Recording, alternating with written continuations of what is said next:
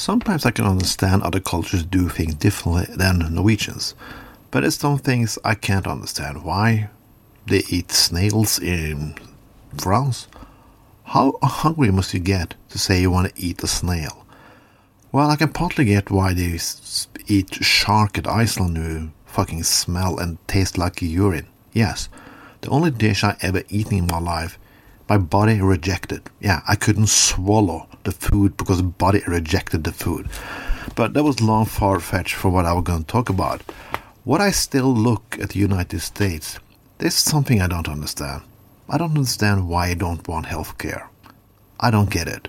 Use more money on healthcare than other countries and you get less again for it. Why I mention this now is for, for over six months now, I had a condition which is extremely painful. Sometimes I cannot do a shit. I have to lock myself in a dark room just to get peace and quiet. My half of my head hurts like hell. While I'm talking, while you- while you're listening to this, I'm at the doctor. And he's going to examine me, and I got some x rays and so on. I can do this without getting bankrupt.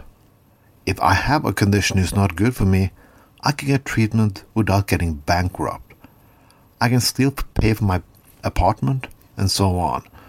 A lot of a lot of people say that when they talk about healthcare, they talk about giving away free stuff. But it's not giving away free stuff. This is things you use taxes for. And I don't think taxes, using taxes on people's health, it's a bad thing. I don't. I don't think anybody else should either. You always say that the private sector can do things better. Well, yes and no.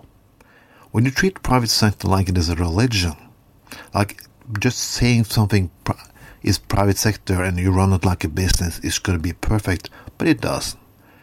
If you, with your business is treating people who are sick, you want a lot of people to be sick. And if you can earn more money than not treating people at all, yes, that's your business model. If you have a public healthcare system, that's not the way you think. And I don't think that this is the way you should think either. If I've been living in the United States now, I would be bankrupt. Maybe I've been living under a bridge with war veterans who was promised they're going to defend your perfect democracy. I think healthcare should be for all. You can call me a socialist, but it's very strange that Norway have a conservative government who never want to touch that model. Why? Because people like it.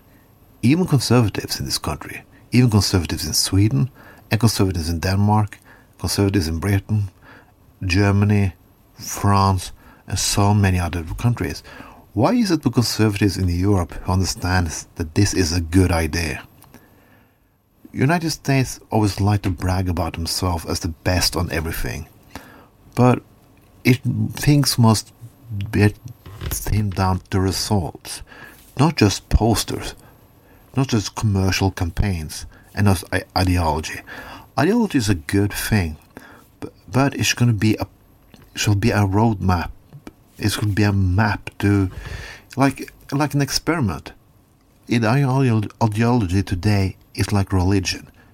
Even though every science shows that something is wrong with ideology, you still do it again and again and again.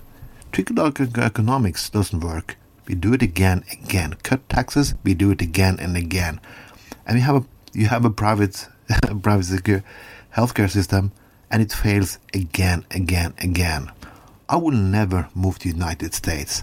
I would not recommend anyone to move to move to the United States because I want something to be free, not free. I paid for it in taxes, so my taxes now can benefit me and benefit people who's not that good. I know that maybe I won't be sick forever, and I'm gonna work for many years still. And there are people who will, who will also must use the healthcare system more than I do, and maybe not pay that much taxes. But I still think it's worth it as a society. I want to give back to some, back to the people who don't have so, have the same opportunities that I have. I think it's a good thing about society.